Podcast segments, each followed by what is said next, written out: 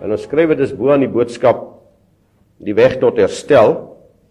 En ons lees so weer saam van Psalm 80 85 en ook Psalm 60 so versie. Vir die musiekleier op die wysie van lelies, 'n getuienis van Asaf, 'n Psalm. O herder van Israel, hoor tog. U wat Josef so skape lei wat bo oor die Gerub stroon verskyn in ligglans. Wek u mag op voor Efraim en Benjamin en Manasse en kom ons te hulp. O God, herstel ons en laat u aangesig skyn sodat ons verlos kan word. O Jawe, God van die leerskare, hoe lank nog rook u toren by die gebed van u volk? U het hulle trane brood laat eet, hulle oorvloedig trane laat drink. U het as 'n voorwerp van stryd gemaak vir ons bure en ons vyande drywe die spot.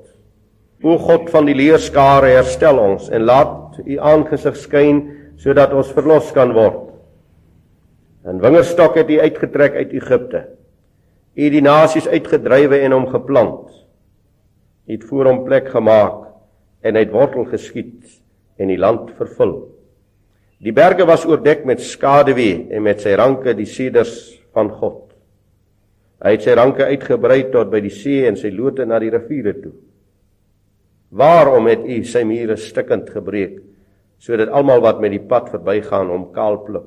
Die wilde vark uit die bos eet hom op en wat roer op die veld wy hom af. O God van die leerskare kom tog terug aanskou uit die hemel en kyk en gee ag op hierdie wingerstok en wees 'n beskerming vir wat u regterhand geplant het en oor die seun wat u vir uself groot gemaak het. Hy is met vuur verbrand, hy is afgekap vanweë die dreiging van u aangesig kom hulle om. Laat u hand wees oor die man van u regterhand, oor die mense seun wat u vir uself groot gemaak het. Dan sal ons nie van u afwyk nie. Hou ons in die lewe, dan sal ons u naam aanroep O Jawe God van die leerskare, herstel ons. Laat U aangesig skyn sodat ons verlos kan word. Nou in Psalm 85 lees ons ook in die 5de vers: Herstel ons o God van ons heil en maak tot nuut U grimmigheid teen ons. In Psalm 60 is dieselfde roep O God, die derde vers, o God, U het ons verstoot, ons van mekaar geskeur. U was toornig. Herstel ons. Baie interessant dat in die Hebreëse taal kan 'n mens hierdie woordjie herstel kan ons ook vertaal wat uh vir my mooier klink. Neem ons terug. Neem ons terug. As u dit nou weer sal lees hier in Psalm 80, dan is dit so pragtig. O God, neem ons terug en laat u aangesig skyn sodat ons verlos kan word. Neem ons terug. Dit wil sê terug na sy teenwoordigheid, terug na sy heerskappy, terug na sy volheid. Geliefdes, die skrif het wonderlike roepe waar die almagtige tot die mens roep op aangrypende wyse. Roep my aan in die dag van benoudheid. Of soek my terwyl ek te vind is, roep my aan terwyl ek naby is. Die roep tot herstel. As ons so 'n paar boodskappe hier oorbring, is nommer 1 van bo. Ek wil dus net hê dat u hierdie beginsel sal hê. Dat daar sal maar nie 'n roep uit u in my hart kom nie Daar sal nie 'n roep uit die volk se mond kom nie. Die psalmdigter sal nie so roep o God, bring ons terug en laat u aangeskyn as die Heilige Gees nie in die hart werk nie. Van die begin af is daar beslis by die mens uit Jawe gebore 'n roep en begeerte en versigtiging tot herstel tot die korrekte volmaakte herstel. As gevolg van die vlees en die gevalle aarde het die mens in stryd om die innerlike te herstel. Maar het hy ook 'n stryd om dit wat rondom hom is te herstel. Dit wil sê om 'n mooi voorbeeld te vat vir môre as die geneesheer dis besig is om iemand te dokter tot genesing te lei, dan is dit daardie herstel, daardie sterk behoefte tot herstel. En as u ons lewensweg in hierdie wêreld aanskou, dan sal u sien ons is elke dag onbewustelik of bewustelik besig om te herstel. In die tydelike wêreld is dit beslis nodig. So geweldig is hierdie behoefte tot herstel dat Paulus vir ons skrywe die baie bekende en jy kan maar net luister in Romeine 8 want ek reken dat die lyding van die teenswoordige tyd nie opweeg teen die heerlikheid wat aan ons geopenbaar sal word nie want die skepping wag met reikhalsende verlange op die openbaarmaking van die kinders van God Dit wil sê die ganse skepping wag dat hierdie herstelde kinders van God geopenbaar sal word. Want die skepping is aan die nietigheid onderworpe, nie gewilliglik nie, maar ter wille van hom wat dit onderwerp het. In die hoop dat ook die skepping self vrygemaak sal word van die slawerny van die verganklikheid tot die vryheid van die heerlikheid van die kinders van God. Want ons weet dat die hele skepping tesame sug en tesame in barensnood is tot nou toe.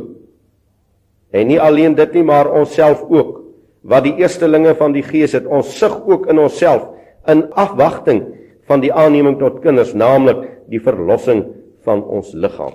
Dit wil sê die die ganse beweging van gelowiges voor die aangesig van Jawe en die skepping in sy beweging voor die aangesig van Jawe is daar 'n geweldige roep herstel.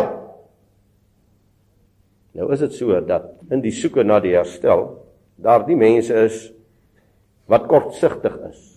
Hulle herstel is maar bloot 'n politieke herstel, 'n kulturele herstel of 'n beter toestand vir hulle in hierdie wêreld. En dan is daar diegene wat 'n leer verkondig van wegraping.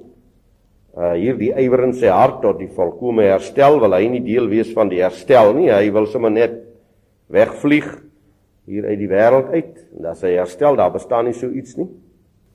En dan is daar diegene wat onder die heilige gees van Jawe in hierdie wêreld is en wat die volle realiteit die volle werklikheid soek van die herstel van die ewige goddelike plan Abraham word geteken in die skrif as een van hierdie mense.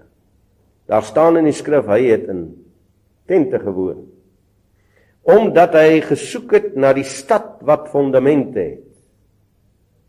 So sy hele lewenslyn in hierdie wêreld was 'n soeke na hierdie wonderlike magtige herstel sodat die godsvolk werklik geopenbaar sal word as uit God gebore. As ons dus praat van die weg tot herstel, geliefdes, dan moet dit vanuit die skrif kom en dan moet ons dit in sy volle lyn hanteer. Dan moet ons nie net stukkies uithaal. Die eie begeerte en die strewe het so groot geword by die mens dat die meeste dit heeltemal mis. Naamlik, dit gaan nie om nommer 1 om jou en my herstel op 'n manier nie. Dit gaan dat ek ingetrek word in 'n groot geweldige herstel naamlik die koninkryk van die Almagtige. So wanneer ons dus vanmôre in Suid-Afrika sou soek en ons sal tot die Vader roep, herstel ons in hierdie land. Dan is dit nie maar net dat die Afrikaner volkie of die wit volkie in hierdie land herstel sal word nie, dan gaan dit om iets baie groter. Dit gaan om die herstel van die koninkryk van die Almagtige en dat hy geëer en aanbid sal word as die enige koning in hemel en op aarde. Dat ons hierdie herstel sal soek. As ons goed luister, hoeveel van ons mense is werklik ingestel op die koninkryk? Of hoeveel van ons is maar bloot ingestel op eie gemak en op eie vrede, op eie voorspoed. Duidelik leer die woord van God vir ons dat die Heilige Gees is die een wat werk. En die Heilige Gees werk nie halfpad nie. Hy werk tot die volëinding toe. En hy werk tot die volkomeenheid en die volmaaktheid. Daarom kan daar in die Openbaring boek staan dis dis die Heilige Gees wat roep dat die koning sal kom. En laat hom wat hoor sê kom en laat hom wat wil die water van die lewe neem verniet. Dis die werk van die Heilige Gees. Die Heilige Gees roep kom. Dat Yeshua sal kom tot die volkomme herstel van sy volk op aarde.